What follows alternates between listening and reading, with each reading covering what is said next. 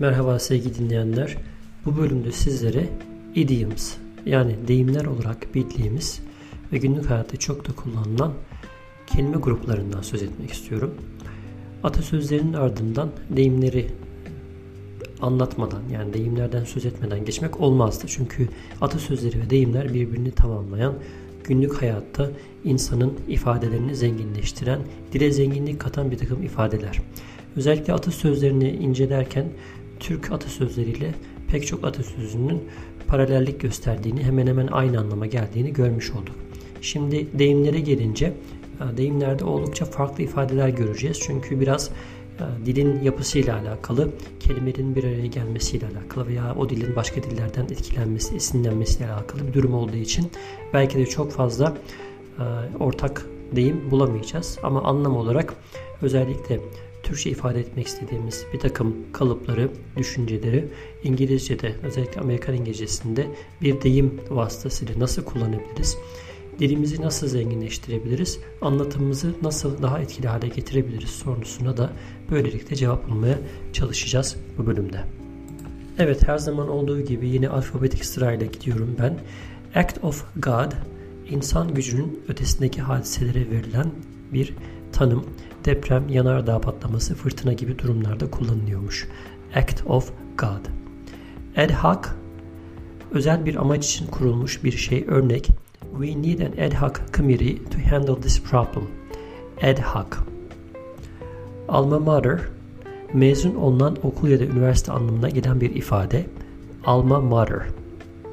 Apple of one's eye, gözümün nuru, gözümün bebeği, en sevdiğim kişi, hayvan vesaire anlamlarında kullanılan bir deyim. Apple of one's eye. Beat around the bush, havanda su dövmek, boşa konuşmak, mevzuyu uzatmak anlamlarında gelen bir ifade. Beat around the bush. Bona fide, genuine, orijinal, gerçek anlamına gelir. Bona fide.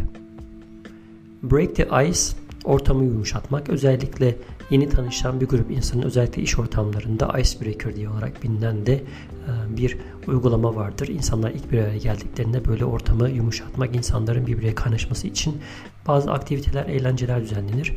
Break the ice yine bu anlamda ortamı yumuşatmak.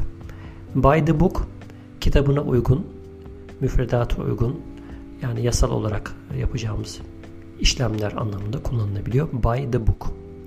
Chill out sakinleş, chill out. Clean slate, yeni bir başlangıç. Özellikle tebeşir ve kara tahta zamanlarından kalma bir deyim olduğu söyleniyor. Clean slate. Come out of the closet. Gizlenen bir gerçeği herkese duyurmak. Come out of the closet. Cream de la cream, best of the best of the best Fransızcadan İngilizceye geçmiş bir tabir. Cream de la cream. De facto yani Türkçe'de de bizim aslında duyduğumuz artık kullanmaya başladığımız bir ifade olmaya başladı. Yazılı olmayıp uygulanan kanunlar. Mesela bir kimsenin herhangi bir seçim olmadan kendini e, lider olarak görmesi, lider gibi hareket etmesi e, de facto lider anlamında kullanılıyor de facto. Deja vu yine Fransızcadan geçmiş e, bir deyim, ifade. Already seen anlamındaymış daha önce gördüğümüz, e, sanki daha önce yaşamış olduğumuz bir şey anlamına geliyor. Dejavu. Don't even go there. Sözünü bile etme, hayalini bile kurma. Don't even go there.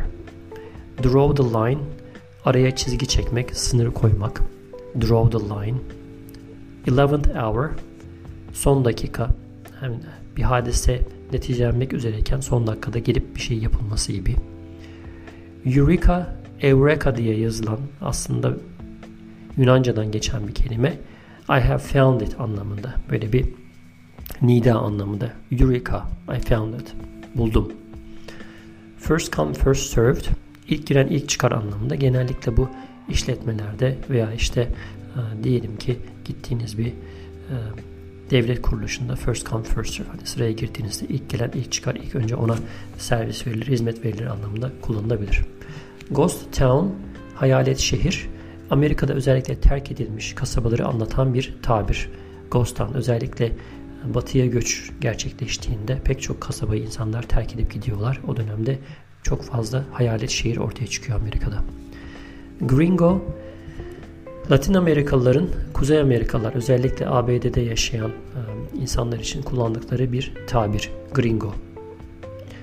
Loco parentis Latinceden geçen anne baba gibi sorumlulukları olan geçici velayet anlamına gelen bir ifade. Loco parentis. In memoriam anısına anlamına gelen yine Latinceden geçmiş bir ifade in memoriam. Bir de İngilizce'de özellikle Amerikan İngilizcesinde Amerika'da çokça kullanılan herhangi bir şahsın ismini vermek istemediklerinde e, böyle çok e, insanların gerçek hayatta karşılaşmadığı bir isim olan John Doe veya Jane Doe isimleri, sahte isimler örnek verilmesi durumunda kullanılır. Özellikle mesela bir ehliyet, e, örnek bir ehliyet basacaklar. Burada Jane Doe ismini veya John Doe ismini çok kullanırlar. Herhangi bir insanın ismini kullanmak yerine. Keep fingers crossed. Cross haç e, kelimesinden geldiği için hani parmaklarını haç şeklinde yap e, çapraz hale getir anlamında bir e, ifade. Anlamı bir şeyin olmasını ummak. Keep fingers crossed. Kill two birds with one stone. Bir taşla iki kuş avlamak. Kill two birds with one stone. Knock on the wood. Yine bizim Türkçe'de çok kullandığımız tahtalara vur tabiri hemen hemen aynı anlamda kötü ruhları uzaklaştırmak için Amerikan İngilizcesinde çok kullanılan bir tabir. Knock on the wood. Live in an ivory tower. Fil dişi kulede yaşamak. Live in an ivory tower. Halktan kopuk özellikle e, elit kesimler için kullanılan bir ifade. Make ends meet. Ayın sonunu denkleştirmek. Özellikle hani maddi olarak zorlanan insanların ay sonunu zor getirdim anlamında kullandıkları bir ifade. Make ends meet. Make my day birini çok mutlu etmek. Make my day You made my day derler mesela. Hani beni çok mutlu ettin bugün. Hani günün en sevindirici haberi buydu gibisinden.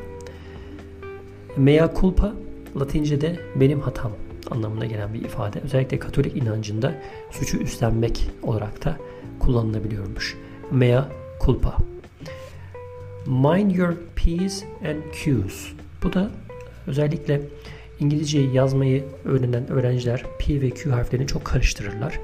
Eski zamanlarda öğretmenliğin veya işte eğitimin ilk başladığı dönemlerde öğretmenin öğrencilerine söylediği bir e, hatırlatma, ikaz e, kelimesi veya kalıbı bir at, bir deyime, idioma dönüşmüş. Mind your P's and Q's yani detaylara dikkat et.